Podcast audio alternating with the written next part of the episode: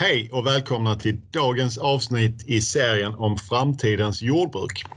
Hoppas att ni är lika taggade som jag på att få dyka ner i tekniken och se vilka möjligheter den ger oss i form av Isobus. Och med mig idag så har jag Andreas Persson, en av våra allra skarpaste experter på området. Eh, Andreas, kan inte du bara kort eh, berätta vem, de, vem du är och vad du arbetar med?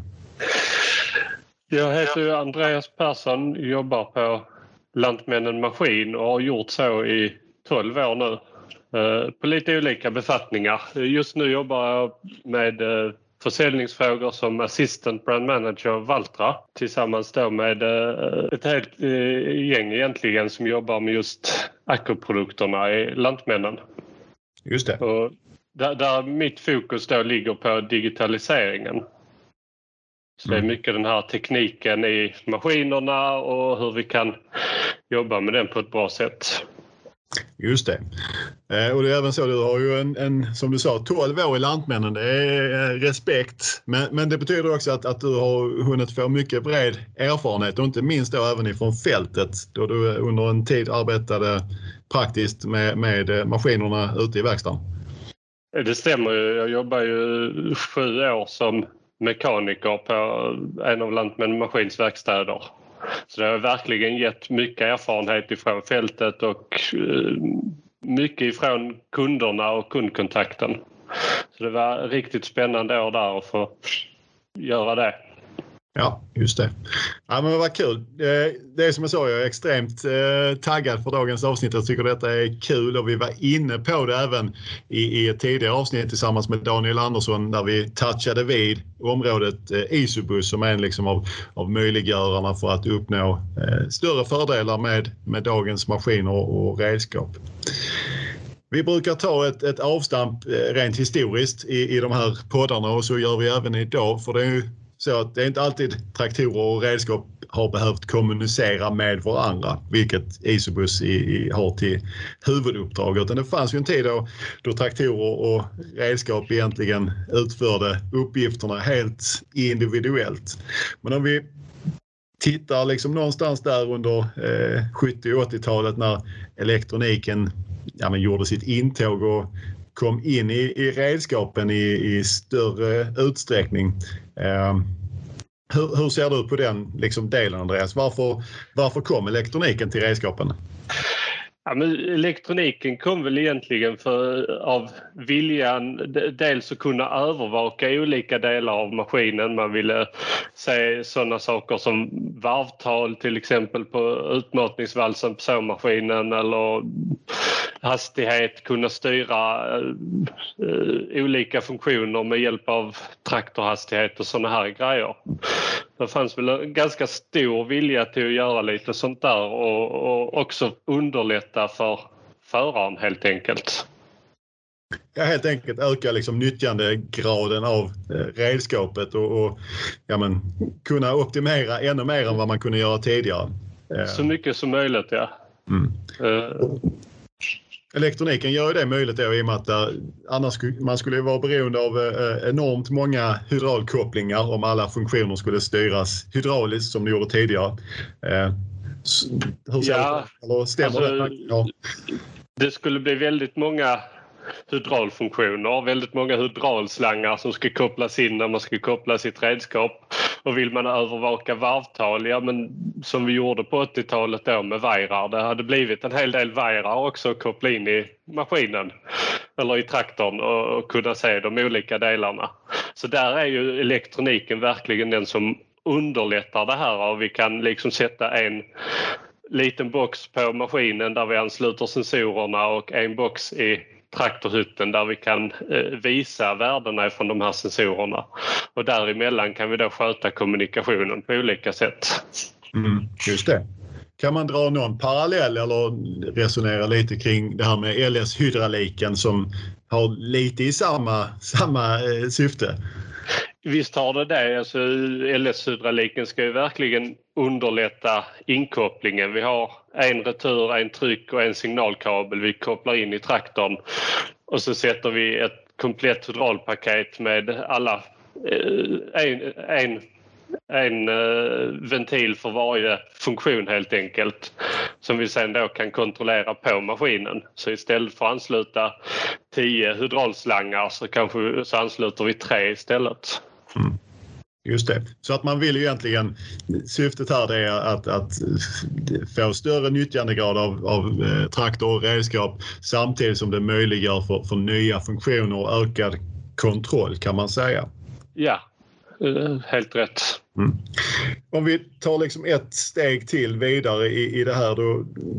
När vi väl har fått in en kontrollbox i, i hytten eh, så vill vi eh, kanske då eh, ytterligare optimera och det kom ju det här med GPS-tekniken eh, som mm. en del. Man ville koppla samman eh, GPS-funktionen ifrån kanske spårhunden till att börja med till att mm. styra till och frånslag på, på vändtegen och sådär på, på växtskyddssprutan som en en, en del liksom. Eh, det har ju inte varit helt enkelt om man backar bandet liksom eh, till, till början av 2000-talet.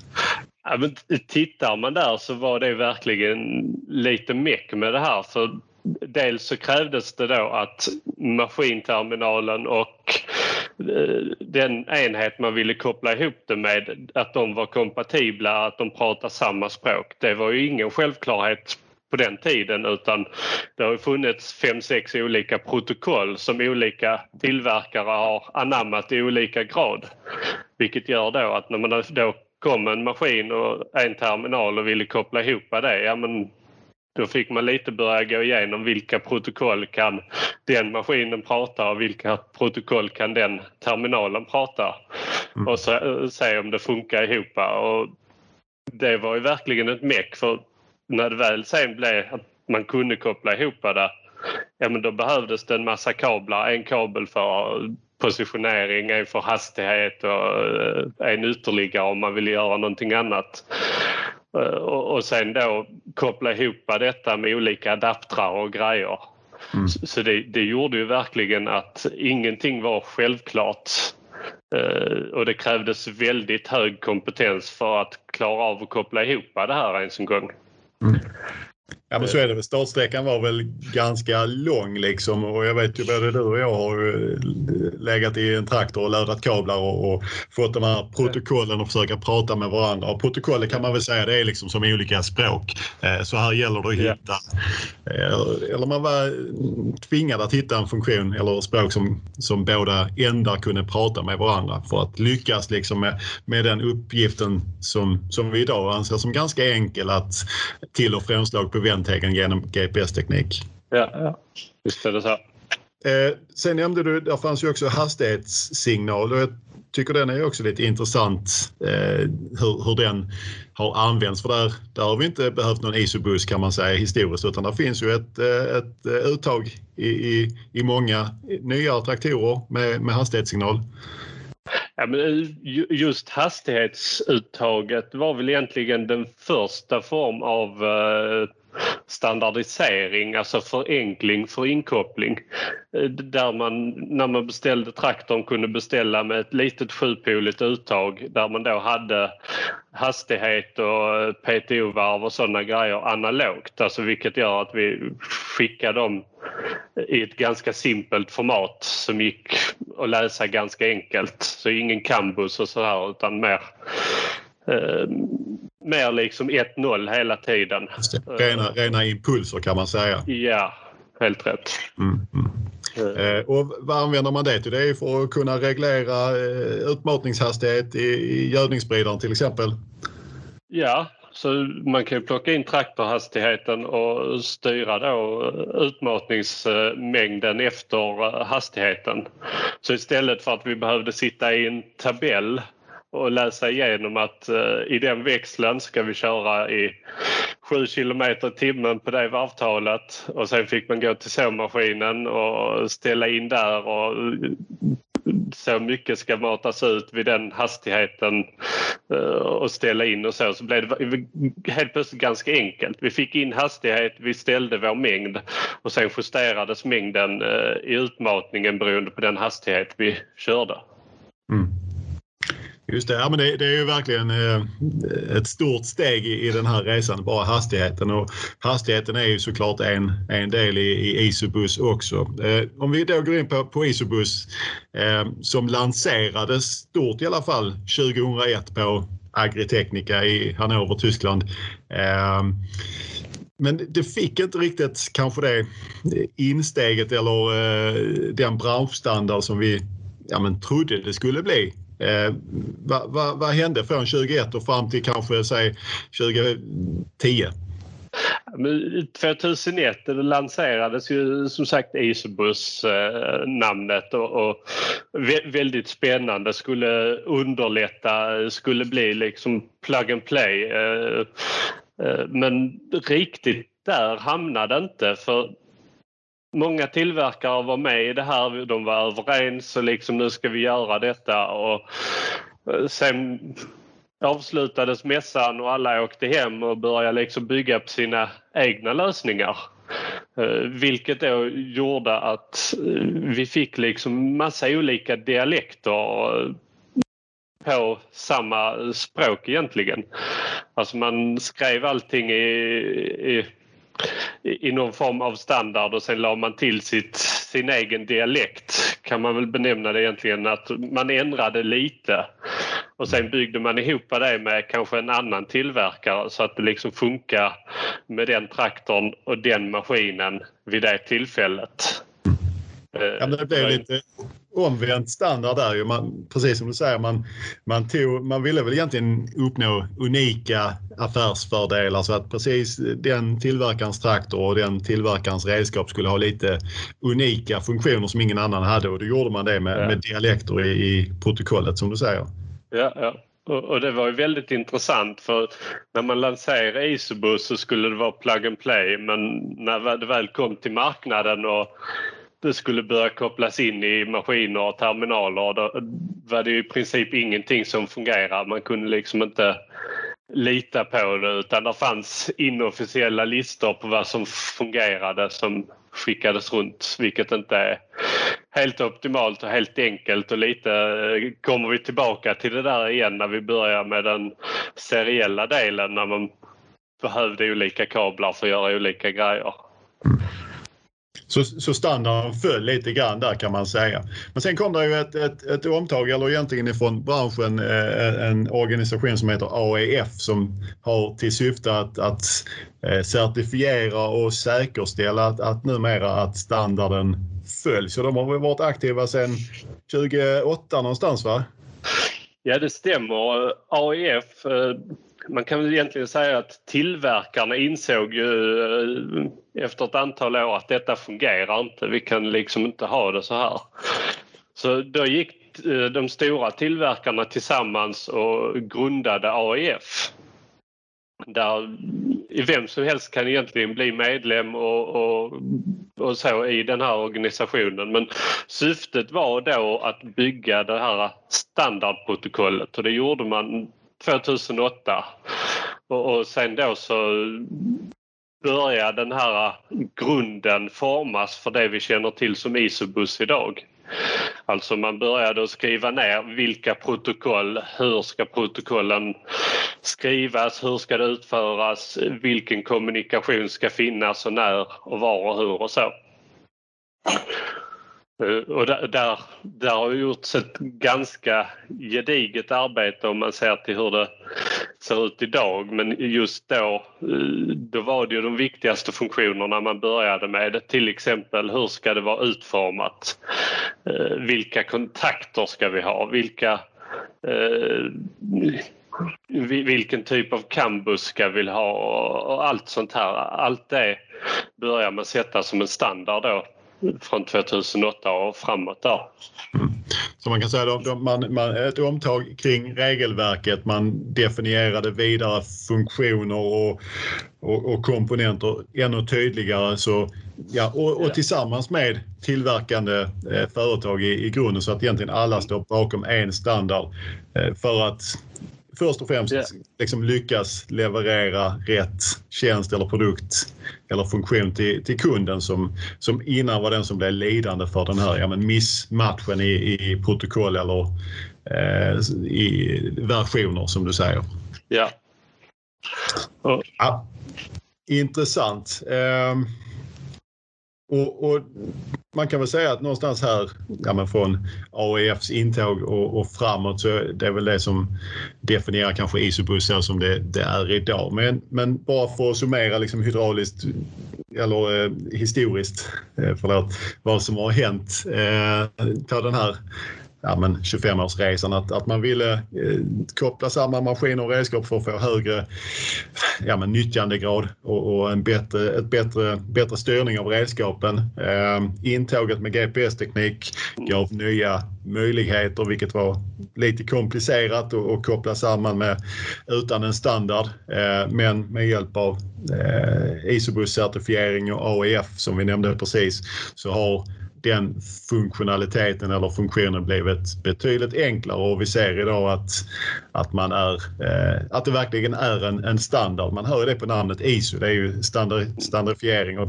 Boost är ju det här eh, nätverket av kommunikation som vi ska gå vidare i.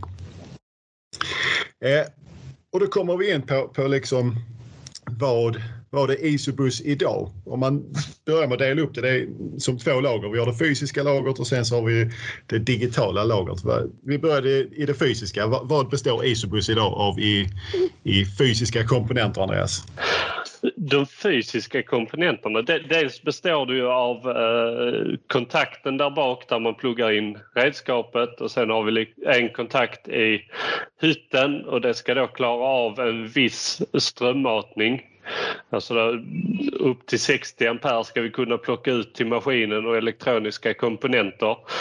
Eh, sen består det också då av eh, cambuskablar, eh, motstånd, alltså allting eh, hårdvarumässigt där med kablar, allting är standardiserat. Sen, sen har vi också då eh, en ECU eh, i traktorn som då kan eh, egentligen skicka ut traktorfunktion, alltså traktorinformation på isobussen. Mm. Så det är liksom själva grunden för isobus för, för att ha i en traktor som det ser ut idag. Har man en traktor som kanske inte är utrustad med isobus så finns det ju isobus-kablage och då får man ju får man ju kontakten där bak, kontakten i hytten och anslutet till batteripolerna. Mm. Eh, så även i de gamla traktorerna är det möjligt att montera isobus, alltså lite enklare variation av isobus som är fullt funktionsdugligt i många grejer. Men, men det man missar där, om, om vi nu tar eh, spåret eftermontera ett sånt kablage, för det stöter vi på och det är ju ett bra sätt att, att få möjligheten till att kunna koppla in en, en terminal eller ett redskap i hytten över standard. Men då, då har man ju egentligen i, i regel ingen riktig kommunikation med, med traktorns funktioner eller traktorns nätverk eller traktorns kontrollbox. Nej, utan man, man, man går miste om all traktorinformation egentligen såsom hastighet, eh, eh, positionen på trepunktsluften eller arbetsbelysning on-off eller och sådana grejer. Allt sånt går man ju miste om. Eh, och för kanske till och med om man vill ha ut det så får man kanske montera på extra givare direkt till den styrande terminalen eller så. Mm. Eh, men det blir lite mer kablar, lite mer meck men fortfarande görbart och som du sa, man stöter på det eh, en hel del idag, speciellt på lite äldre maskiner där det inte fanns isobus. Mm. Precis. Så, så det, det, betyder att det är fullt möjligt att komplettera en äldre maskin med ett isobuskabloge. Eh, och tittar vi då på en, ja, men nya maskiner egentligen oavsett fabrikat så är ju isobus, eh, om det inte är standard så är det ju absolut tillgängligt till, till de absolut allra flesta modellerna ifrån alla tillverkare. Och det man uppnår där det är ju såklart en koppling mellan traktorns eget eh, CAN-bussnätverk, eget eh, avancerade nätverk som kan kopplas samman med eh, ett redskaps eh, eget nätverk underliggande genom Isobus. Det är det som sammankopplar de här funktionerna. Det är också där man kan liksom ta störst, störst nytta eller dra de största fördelarna utifrån Isobus, eller hur? Visst är det det. Alltså, det underlättar ju verkligen när man ska koppla sin maskin. Eh, skulle man få driftstopp på en traktor så blir det väldigt lätt att byta maskin. Det är väldigt lite kontakter. Det är en kontakt från maskinen och eh, eventuellt en terminal i hytten om man har det. Och bara flytta till nästa traktor och sen är vi igång igen. Mm. Precis. Ja, men det var lite om det fysiska lagret eller kablar, kontakter var vi inne på. ECU det är ju styrdatorn i, i antingen i redskapet eller i, i traktorn. Eh, terminalen eller skärmen, är, är det, anses det som en, som en del av det fysiska eh, lagret? Ja, det kan man väl säga. Alltså, terminalen är ju en ganska viktig del av Isobus. Eh, utan terminal så då har vi ingen jättenytta av Isobus så utan eh, där handlar det liksom om att kunna visa maskinens eh, vad ska man säga, interface, användargränssnitt helt enkelt. Mm. Så oavsett om man har en integrerad terminal med Isobus eller man monterar dit en Isobus-skärm i efterhand så är det liksom en kontakt och så pluggar man i maskinen där bak och laddar in den i terminalen och helt plötsligt får man upp alla maskin, eh, maskinfunktioner i terminalen där mm. och kan trycka start och stopp och ändra giva och sådana grejer.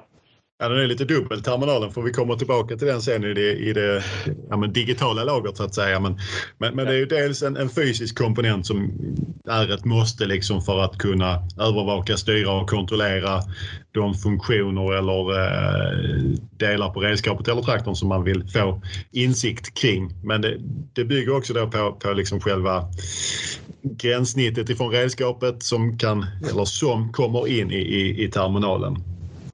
Eh, sen tänkte jag på att det finns ju en, en del till i det fysiska lagret och då tänkte jag på joystick eller paneler.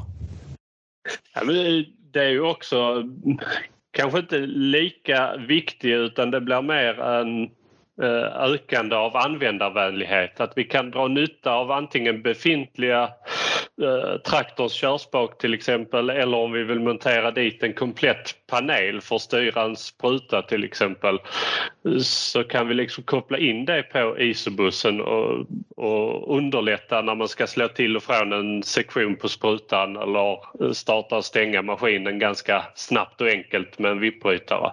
Mm, precis. Och, och det, det, vet man eller det är, ju, det är ju trevligt och fint med en, en stor touchskärm.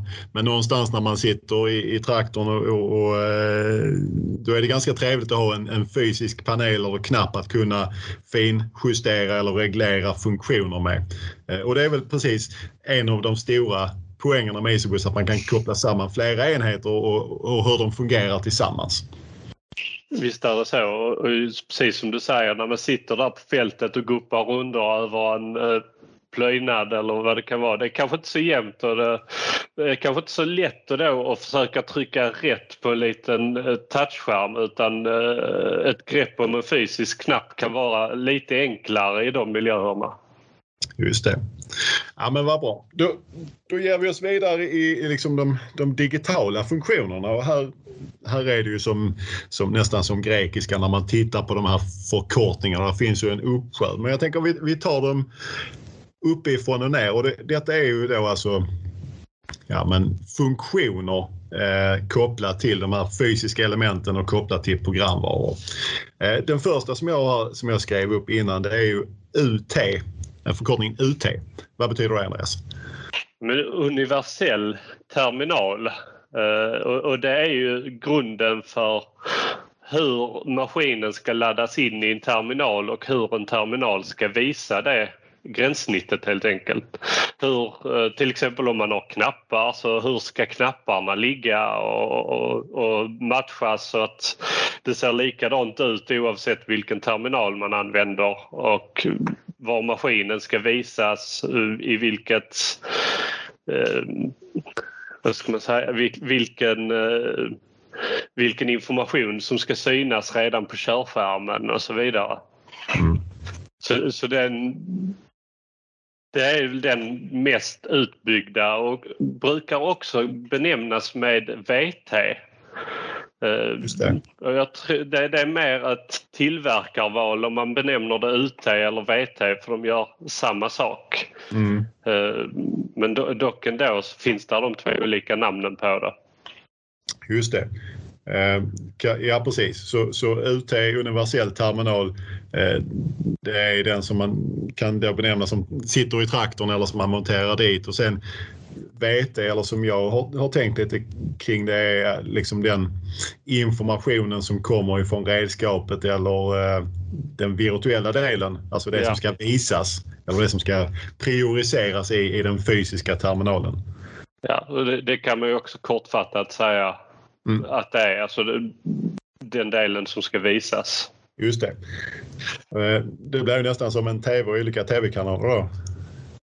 Ja, lite så. Man har sin uh, digitalbox. Den står där under tvn. Och den är ansluten med en kabel uh, ganska likt ändå. För det, det är ju nätverk där också. Där egentligen när vi byter kanal så ändrar vi vad vi visar på tvn.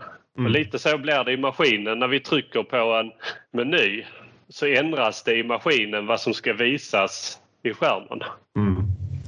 Precis. Ja, det, det är verkligen eh, ett, ett, bra sätt att eh, reducera antalet skärmar och terminaler i, i traktorhytten. För det, det, kan bli ganska eh, fullt annars som, med all information som man vill visa. Så att det är ett bra sätt att nyttja tekniken. Eh, sen har jag skrivit på min lista AUX, AUX som en funktion. Vad, vad innebär den? Då, då, kommer vi tillbaka till de här panelerna eller joystickarna man kan montera in eller finns fasta i traktorns armstöd. Mm. Uh, och AUX-delen består dels av då hårdvaran som vi pratade om tidigare men också då mjukvaran. Att varje knapp på den här joysticken eller ett visst antal knappar är då tilldelningsbara så att vi kan välja att den knappen den ska göra den funktionen på eh, maskinen. Till exempel om vi vill eh, starta och stänga av sprutan direkt från körspaken så kan vi lägga in start och stopp på en knapp så när vi trycker där så stänger vi av sprutningen och när vi trycker igen så startar vi. Okej, okay. så, så om jag vill ha min start och stoppfunktion på en, på en speciell knapp eh, så kan jag välja var jag vill ha den då enligt AUX-standarden? Ja, helt rätt. Det är fritt tilldelningsbart till alla de knappar som finns tillgängliga att tilldela. Ja, det är verkligen, för ibland så känner man ju så att, att knapparna sitter inte på rätt ställe. Eh, det, det, är ju en perfekt lösning på det då. Okej, okay, så, så då, då, kan man koppla redskapets funktioner eh, ute i fält till en specifik knapp inne i hytten. Det är ju bra. Det är AUX alltså. Eh, sen har jag skrivit eh, TC, eh, TC bas. Alltså TC det är taskkontroller. Det, det har jag lärt mig. Eh, och bas det är någon typ av grundfunktion då va? Ja, alltså TC-bas. Nu kommer vi in på det lite mer verkligen digitaliseringen i Isobus. Eh, TC-bas det är ju grunden för eh, dokumentering via Isobus. Vilket gör då att vi kan eh, dokumentera eller spela in det vi gör med både redskap och traktor. Som vi kör så till exempel så får vi då in eh, hastighet på såmaskinen, vi får in givan den ligger på just nu och ändrar vi givan så följer det liksom med i dokumenteringen och sen kan vi då gå tillbaka och titta på hur såg det ut, hur mycket la vi ut på det fältet, hur mycket diesel gick det åt och, och så vidare. Okej, okay, så, så, man kan nästan säga att, att den här taskkontroller bas eller uppdragshanteringen på svenska kan man säga det, det skulle ju fungera även liksom som spårbar. Gå upp och titta bakåt historiskt. Var befann jag mig? Hur, hur eh, körde jag? Vilket eh, växtskyddsmedel använde jag exempelvis? Är det rätt? Ja, helt rätt. Allt det här går liksom att lägga med i den dokumenteringen och eh, utvinna, utvinna den ifrån maskinen och gå tillbaka så att man verkligen har koll på vad man har gjort och när och hur mycket insatser man har använt. Mm. Smart. Så nu, nu har vi, vi har en, en, terminal som kan styra redskapets funktioner genom en, en körspak eller en joystick och allting blir dokumenterat och då är vi inte ens halvvägs på listan. Eh, nästa som jag har skrivit är TC Geo. TCGeo, då börjar vi istället för att bara dokumentera och få en sammanställning. Så med TCGeo så lägger vi till position till varje, eller kopplar en punkt eh, position med viss information. Så det betyder att då kan vi gå tillbaka och se var på fältet vi har lagt 200 kilo och var på fältet vi har lagt 300 istället. Och få den här spårbarheten ner på eh, var femte meter eller baserat då på vilket redskap man använder. Men man kan få ganska bra, eh, typ som eh, skördkartering.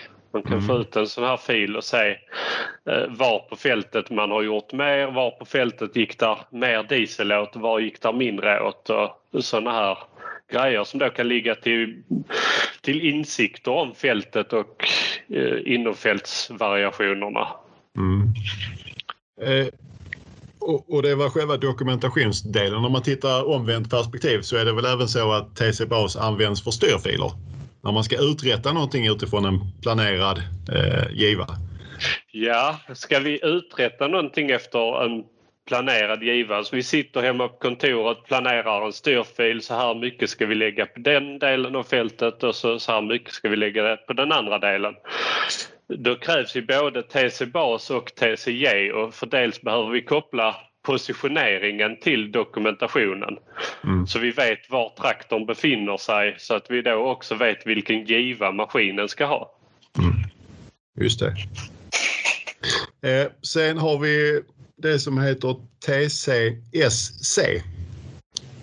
Och det, det, vill jag ändå påstå att det är en av de som används mer idag. Alltså eh, förmågan att kunna styra sektioner på maskinen. Så med terminalens hjälp som då ser var vi har kört och var vi inte har kört och då kan starta och stänga av sektionerna baserat på var vi befinner oss. Det betyder att då kan vi minska överlappet i fältet. Vi får eh, ganska bra överblick på var vi har kört och kan styra efter det på ett, mm. Eh, på ett enkelt sätt. Mm och, och stänga av sektioner. Det betyder ja, men dels är det till och frånslag liksom mot, mot vändteg eller tidigare körspår. Men det är också det här med delbreddsavstängningen, att den sker helt automatiskt när du kommer in i en kil. Så, så antingen stänger den av produkter eller eh, lägger ut dem eh, så att säga. Ja, och, och det är det, det, det TCSC gör rent isobusmässigt det är ju det här att Eh, Eh, bestämma vilken eh, sektion som har eh, eh, det namnet var de befinner sig så, så att vi kan stänga av dem eh, när, det behövs på olika sätt. Alltså antingen när vi kör in på vändtegen eller kör ut i fält och kunna justera sektionerna så att vi inte startar hela sprutrampen till exempel när vi kör ut i en kil och lägger hur mycket dubbelt som helst. Just det. Så då, då, då, betyder det nu har vi, ja men vi har skärmen, vi har eh, joysticken, vi kan styra funktioner individuellt. Allt blir dokumenterat med hjälp av styrfiler och skulle vi komma ut på ett område där det redan är kört eh, så regleras eh, arbetsbredden på, på spridningen från ja, till exempel då, eh, eh växtskyddssprutan automatiskt. Ja. ja intressant. Eh, sen så har det kommit en, en ny, eller lite nyare funktion som heter TIM. Ja, och den är väldigt intressant när vi kör eh, rundbalspressar och snittvagnar, sprutor, eh, kanske till och med ja, egentligen vilken maskin som helst skulle man kunna applicera och det, det är ju det här att redskapet ska kunna styra traktorfunktioner. Så säg att eh, vi behöver redskapet klarar inte av att variera givan. eh, till exempel en gödselspridare eller vad det kan vara. Då kan man få traktorn till att reglera hastigheten istället efter input ifrån maskinen. Och även då hydraulfunktioner så att vi kan, eh, maskinen kan säga till traktorn att uh, kör nu hydraulfunktion 1. Så att någonting visst händer på maskinen då. Mm. Ja, det, det, är ju helt annorlunda så det betyder att, att all makt och kunskap flyttar till redskapet där egentligen huvudfunktionen av arbetet sker såklart. Eh, och, och, du nämnde, du nämnde rundbalspressen. Kan du utveckla området där också lite grann? Ja, men till exempel om vi kör rundbalspress så när balen börjar bli full i balkammaren så kan då redskapet säga till traktorn ja men nu ska du stanna. Och sen kan då pressen köra nätningen och sen när nätningen är färdig så kan pressen säga till traktorn att dra hydraulfunktion 1 så att luckan öppnas och balen ramlar ut. Och när balen är borta så kör du hydraulfunktionen på andra hållet och sen börjar köra igen. Okay. så man automatiserar hela den eh, processen eh, där man då som i, hytten slipper att, att eh, övervaka, stanna och, och köra funktioner hydrauliskt för att sen köra vidare. Så då blir det helt styrt och kontrollerat av pressen. Men såklart Visst. övervakat av, av föraren. Visst blir det det och du kan ju till och med lägga till en sensor på inmatningen som känner av hur belastad den är och kanske kontrollera hastigheten efter det. Alltså så att vi ökar och minskar hastigheten även under tiden vi kör baserat på hur stor strängen är. Ja, just det. Så typ som en snittvagn har väl det till, till uppdrag att eh, reglera hastigheten utifrån eh, hur mycket material det kommer in? Ja, helt rätt. Och där, där kan man då li, lite som en cruise pilot, man startar och sen justerar den efter strängens storlek. Just det. Ja, det, det, var, det var de här förkortningarna jag hittade som kändes lite kluriga men det kändes som att eh, några frågetecken blev istället utropstecken här eh, genom att diskutera med dig. Det var väldigt bra. Eh, nästa punkt jag tänkte vi skulle ta och koppla till Isobus och vad det är. Det, det, är ju lite, vi har varit inne på protokoll. Man brukar benämna eller höra J1939, väldigt tekniskt. Men det är ju själva det här Isobus-protokollet va? Ja men J1939 det, det, är egentligen ingen koppling till Isobus direkt utan det, det är ju hela fordonsbranschens eh, standard för campuskommunikation.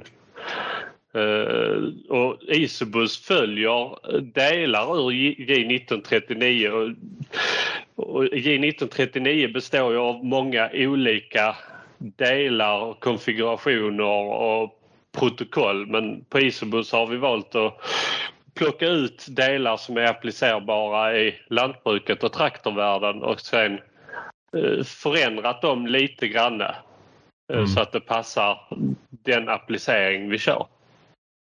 Så hela Isobus bygger egentligen på J1939 campuskommunikation i grunden. Ja. Precis. Och, och Cambus som då blir nästa fråga. Control Area Network. Det är ju det här eh, slutna nätverket i maskiner och redskap, inte bara i lantbruket utan i, i andra branscher också såklart, som är en definierad standard eh, som kommunicerar sen mot Isobus. Ja, alltså Cambus är ju en standardisering. Man skickar eh, all kommunikation egentligen i två kablar. Mm. Alltså man, man har all kommunikation i två kablar för att flytta emellan vilket gör att då kan vi koppla in alla ECU på samma lina. Mm. Och alla har sitt ID så att de andra vet vem ena, den ena ECUn pratar med. Så att den andra kan svara korrekt och, och svara på det kommando den får och utföra de kommando den får. Ja, det är ju det är tydligt det här med, med vilken, vilken styrka det finns i, i standardisering av kommunikation och hur mycket man kan, kan få ut av det. Eh, sen så tittar man lite på, på eh, ett par andra förkortningar som brukar dyka upp i, i de här frågorna. NMEA är ju en sån förkortning som jag också springer på i, i, ibland. Det finns två yeah. stycken NMEA-versioner va? Ja, stämmer. NMEA 0183 eh, som då är seriell standard, alltså vi har eh, e-, e-, en kabel för att skicka, en för att ta emot. Vi ställer i vilken hastighet, vi ställer vilka, vilken information vi vill få över. Och NMEA används ju för att flytta position ifrån till exempel om man har ett autostyrningssystem mm. och sen ska man styra maskinen med en annan terminal så kan vi då flytta positioneringen över i den andra terminalen istället för att montera dit ännu en mottagare som får ta emot GPS-satelliter. Just det. Så, så, om man har ett autostyrningssystem som inte är integrerat mot Isobus då behöver man använda sig av NMEA eh, 0183? Ja, eh, det kan man säga. Och sen har vi då NMEA 2000 på de här integrerade systemen eh, där vi då pluggar in en terminal i isobussen och där har vi då NMEA 2000 tillgängligt som då flyttar positioneringen från det integrerade systemet över till en extern terminal. Mm. Så det förenklar egentligen överföringen av, av position enligt Isobus standard? Ja, helt rätt. Ja. Intressant. Eh, sen satte jag upp eh, ett filformat också som dyker upp i samband med Isobus och det är ju då det som heter ISO XML. Eh, det är ju en, ett dataformat som är standardiserat också. Ja, det stämmer och då är vi lite tillbaka på eh, TC Bas, alltså den här rapporten vi får ut ifrån eh, TC Bas, den kommer ju i filformatet ISO XML som då innehåller all den här informationen med eh, bränsleförbrukning, eh, utsädesmängd, vem som har kört, vilken produkt det är och de här bitarna. Och samma om man genererar en styrfil så eh, består den, eller kommer den i samma format eller kan komma i samma format? Kan komma i samma format så att till exempel körspåren följer med och fältgränser, hinder, eh, allt sånt här följer liksom med i det filformatet. Just det, så det, det är liksom kopplingen mellan traktor, redskap och sen då kontoret eller datorn för uppföljning, dokumentation eller eh, planering av arbete kan man säga. Ja, det kan man benämna det eller säga. Ja, ja. och då ska det följa filformatet ISO XML enligt ja. ISO-busstandard. Där finns ju den, eh, den andra filformatet som brukar förekomma, det är ju Shape. Ja. Och det är en jättebra enkel uh, standard. Bekymret är oftast att det egentligen inte är någon standard. Utan det är mer man har inofficiellt kommit överens om hur det ska se ut och alla försöker jobba för kompabilitet. Men eh, den är inte helt enkel att lösa även om det fungerar ganska bra idag. Eh, så har inte varit fallet ett par år tillbaka. Eh, där oftast en etta kunde vara en nolla hos den ena styrfilstillverkaren och då funkade det inte i den terminalen eller man kunde inte se givorna. eller vad som helst egentligen. Ja, just det. Så att, men, men det är ändå så att det går att använda shapefiler i, tillsammans med en, en Isobus-terminal idag va? Ja, de allra flesta Isobus-terminaler läser ISO XML i dagsläget. Eller ja. läser shapefiler i dagsläget. Ja, just det precis. Ja. Men där får man såklart eh, kolla upp i, i förväg om det är så att man står i, i den frågan. Men, ja. men utvecklingen går ditåt i alla fall. Det är ja, väldigt ja. bra bra att veta. Ja, men då, då känner jag väl att jag har fått en ganska bra bild liksom av vad Isobus är idag och hur, det, hur man kopplar samman funktioner, effektiviserar och, och möjliggör ja, men, processer som tidigare var, var ganska komplicerade genom då den här standardiseringen av eh, kontakten. Det är egentligen det man behöver tänka på som som användare eller som lantbrukare att, att det är standardkontakten och sen så har möjlighet till, till all den här funktionaliteten. Ja, och det vi inte ska glömma bort är en av de viktigaste delarna i Isobus. Det är ju också bakåtkompabilitet. Så att en nyare maskin kan prata med en gammal terminal och tvärtom. Man får kanske inte alla funktioner som är utvecklade Eh, senare år men det kommer ändå att fungera en viss del. Ja, just det. Ja, men det, det, är viktigt att du säger det att det finns eh, en, en standard då, en, en bakåtkompabilitet. Sen ska man väl också komma ihåg det här med, med, med Isobus. Det är ju, består ju till, till merparten av programvara. Så har man bara liksom de fysiska komponenterna, uttag och, och, och, i traktor och redskap, så har man väl ganska stora möjligheter att, att få nya funktioner eller växa med hjälp av programvara. Är det rätt uppfattat? Ja, absolut. Visst är det så. Eh, hårdvaran ser ju likadan ut, alltså allt det fysiska. Sen har vi då programvaran som då är själva funktionerna som då gör att vi kan göra olika grejer. Och, och precis som du säger, det är oftast mjukvara, mjukvaruuppdatering. Vi råkar ut ibland för hårdvarubegränsningar. Eh, att hårdvaran kanske inte klarar mer funktioner. Men köper man en ny terminal idag som kommit ganska nyligen så hänger den med ett ganska bra tag framöver. Man kan oftast få nya funktioner genom mjukvaruuppdatering av terminalen. Mm. Ja, det är ju bra. Det är både bra för, för plånboken och för miljön tänker jag. Så att, Visst är det så. Bra, bra att veta. Ja, men va, verkligen intressant. Eh, och nu när vi vet vad vi har att arbeta med så tänkte vi ska ge oss in i liksom hur man praktiskt kan använda tekniken, vilka olika scenarier man kan, kan stå inför eh, och, och, hur man på bästa sätt liksom kan nyttja, nyttja tekniken. Eh, vad skulle du säga som har arbetat mycket med de här frågorna? Vilken är liksom din, din drömsetup eller konfiguration med hjälp av, av tillgänglig teknik?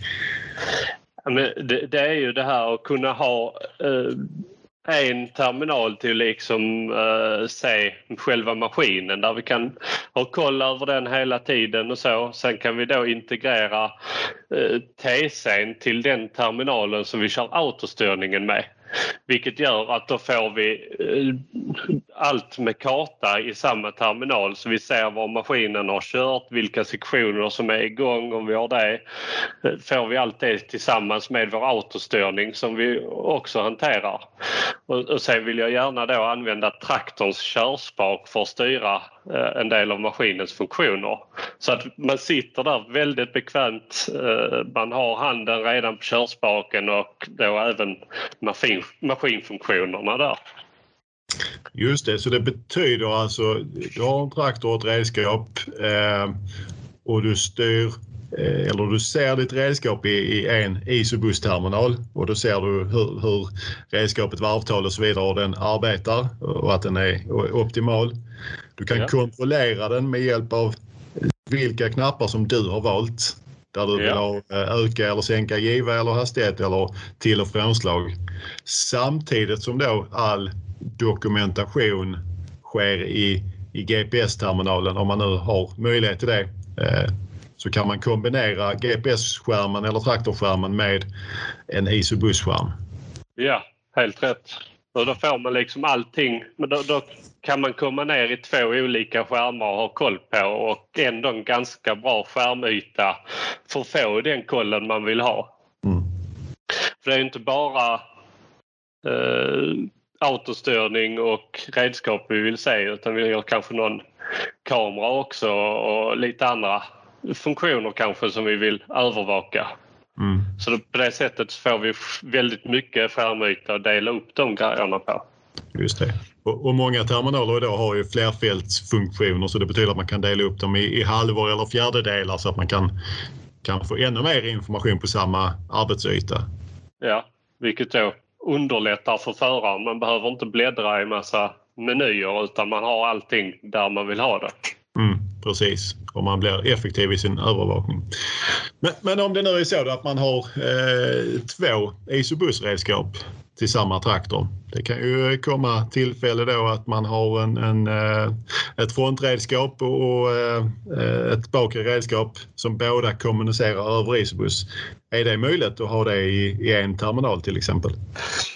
Ja, det finns ju möjlighet att ha det i en terminal. Eh, antingen genom att dela upp det till två olika UT med två olika eh, nummer kan vi kalla det så att den ena delen har UT nummer ett och den andra UT nummer två. Och så kan vi då välja att maskinen där bak ska gå till nummer ett och den där fram ska gå till nummer två.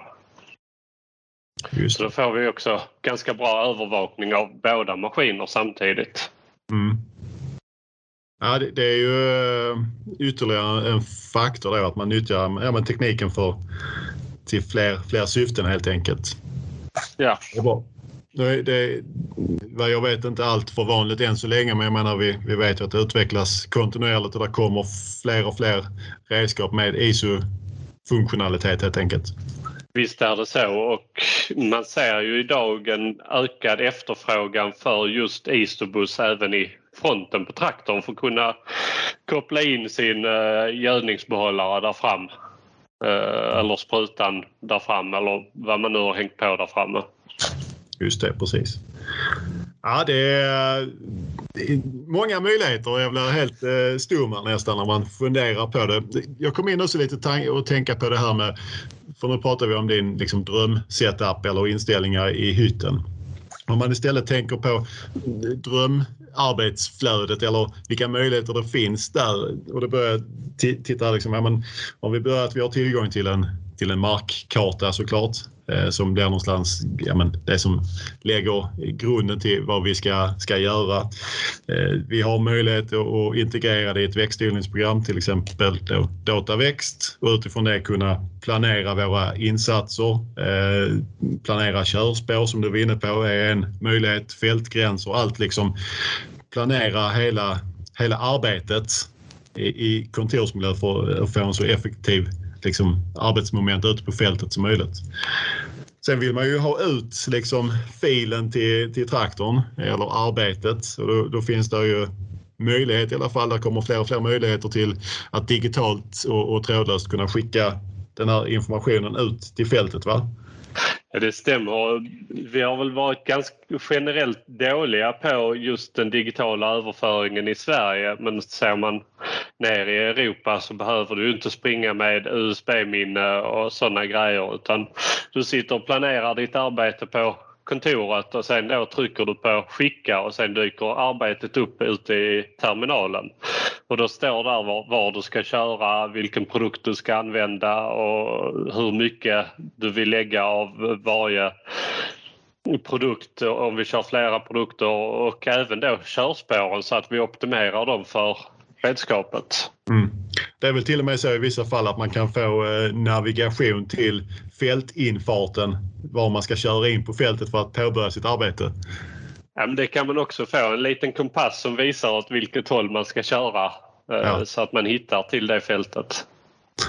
Och det blir ju en, en, viktig faktor liksom i att, att just ja men, att man som, som eh, markägare eller lantbrukare kan planera uppdragen väldigt väl i, i, i god tid i, i kontorsmiljö, att den möjligheten finns. Och sen att i, ja men sen vet vi att det blir väldigt tidskritiskt i, i eh, vårbruksperioden och så vidare. Att man kan sätta kanske mindre eh, erfaren eller eh, markkunnig personal i, i, i traktorn för att utföra fortfarande exakt det arbetet som det är planerat från början. Visst är det så. Det, det underlättar ju verkligen att eh, all information finns där så man kommer... Man har kanske knappt kört en traktor innan eh, men man vet ungefär hur man startar den, man startar uppdraget. Sen kan man då få all information igenom terminalen så att vi hittar till fältet. Vi vet vilka givor vi ska köra och hur mycket där ska gå åt. Mm, precis. Och sen när arbetet är färdigt trådlöst tillbaka till, till molnet och vi kan eh, se på dokumentationen i vårt växtodlingsprogram och, och även titta då bakåt spårbarhetsmässigt och se precis vad, när, hur och varför i princip. Ja, och, och, den, och det är ju alltid intressant att titta på tycker jag. Alltså speciellt när man liksom har varit ute och kört. Hur gick det egentligen där i den stressiga perioden? För man, man har liksom inte koll när det väl är eh, skörd eller höstbruk har man liksom inte koll och, och, och göra en massa olika grejer utan då ska bara arbetet flyta på under den perioden. Mm. Och sen kan man då gå tillbaka och kika på ja, men hur såg det nu ut på det här fältet. Mm. Ja men precis. Ja, det, det, det väcker Man blir ju sugen på att liksom eh, komma igång med det här, känner jag. Eh, och om, man, och om nu ni som lyssnar känner samma sak, vad, vad, skulle du säga är ditt råd till dem, Andreas? Om man, om man vill eh, undersöka vilka möjligheter man har och hur man kan komma vidare med det här. Eh, vad, vad är, har du några liksom handfasta tips på hur man går vidare? Jo, men det, det är väl ändå det här, kolla vad har jag redan hemma på gården idag?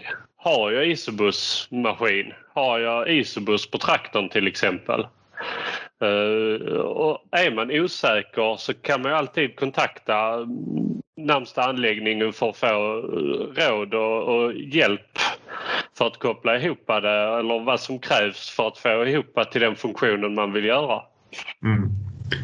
För, för det är ju regel så att, att framförallt ser väl att, att det finns mycket teknik ute på gårdarna som inte används till fullo eh, där man skulle kunna ta det ännu längre, eller hur?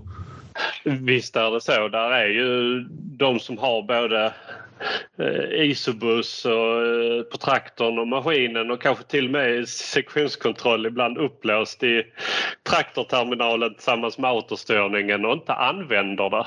Mm.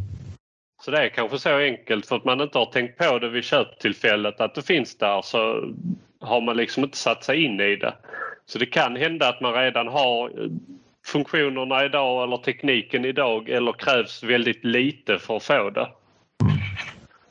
Ja, men det, det, är bra. Det är ett bra tips. Kontakta eh, eh, gärna oss på Lantmännen och, och, diskutera detta vidare via din lokala anläggning helt enkelt. Vi närmar oss slutet såklart, även på, på detta fantastiska avsnitt. Men innan vi är där så ska vi lyfta blicken tänker jag och titta lite i framtiden. Det är alltid svårt men jag tror ändå jag tror du har rätt så kvalificerade gissningar på hur det kan se ut. Eh, hur ser det ut för Isobus? Har de en naturlig plats i, i framtidens jordbruk? Ja, men om vi tittar på den tekniken idag så är ju Isobus en viktig nyckel framåt. Alltså även om vi skulle gå så långt att vi får robotar ute på vår fältet så vi behöver fortfarande kommunikation mellan redskap och robot. Det är svårt idag att sina idag exakt hur roboten ser ut men säg att vi har den lite mer som en traktor med trepunktslyft och kan köpa de redskap vi vill då blir ju det här standardgränssnittet väldigt viktigt för att det ska fungera och jobba sömlöst så som man vill att det ska göra. Mm. Precis. Och, och, och, inte minst så är det ju även då det här med dokumentation och spårbarhet enligt den här standarden som oavsett liksom hur framtidens eh, maskinpark ser ut så är ju det en, en oerhört viktig del Tänker. Visst är det det. Alltså, eh, sitter vi inte ute på fälten längre så måste vi få in samma information på ett annat sätt och då är ju dokumenteringen väldigt viktig. Mm. Uh, var vi har sått och när och hur. Uh, man vill ju ha så mycket insikt som möjligt. Uh, speciellt eftersom vi går ser framtiden att vi liksom blir större och större enheter. Alltså den utvecklingen kommer att fortsätta och ju större enheter desto svårare är det att ha koll på sin mark. Mm. Man har inte den där kollen som man hade för 200 år sedan när man bara hade kanske 5000 eh, kvadratmeter att sköta eller någonting. Nej, precis. Nej, det, det är ju lite skillnad i, i, idag med lantbruket såklart. Eh, vi har ju pratat kontakter. Eh, om man tänker i framtiden, kontakter känns ju gammeldags. Kommer det inte vara trådlös kommunikation mellan redskap och, och eh, redskapsbärare om vi kallar det så? Jo, men det är också en väldigt intressant utveckling på det där och, och där har ju påbörjats ett sådant projekt på Agritechnica 2019 eh, som kallas eh, Nevonex eh, där man egentligen bygger en hårdvaruplattform i maskinen och sen kanske ansluter en surfplatta och laddar ner de appar man vill ha för att kunna styra maskinen. Mm.